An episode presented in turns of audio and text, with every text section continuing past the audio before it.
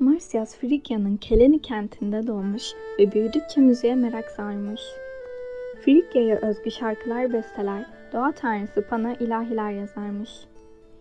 O zamanlarda eski insanlar bir tuluma çeşitli düdükler takıp değişik sesler elde ederlermiş. Marsyas farklı düdüklerden çıkan sesi tek bir kamışa yedi delik açarak bir düdükten elde etmiş. İşte bugün çaldığımız flüt ve kavalın atası Frigyalı Marsyas'tır. Marsyas flütü icat etmekle kalmamış, çok da güzel çalarmış.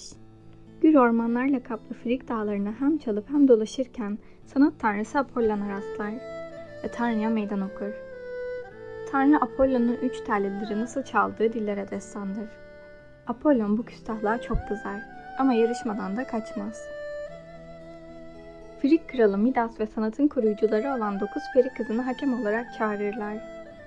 Tanrı Apollon üç tellelerini yine çok güzel çalar. Ama Marsyas'ınki doğa ile daha uyumludur. Herkes hayretler içerisinde büyülenmiş gibi dinler. Kral Midas oyunu Marsyas'a, periler de Apollon'un kızgınlığından korktukları için Apollo'ya verirler.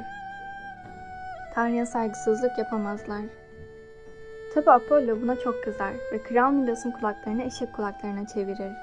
Marsyas'ın da bir tanrıya meydan okuduğu için ağaca bağlanıp derisi yüzülür.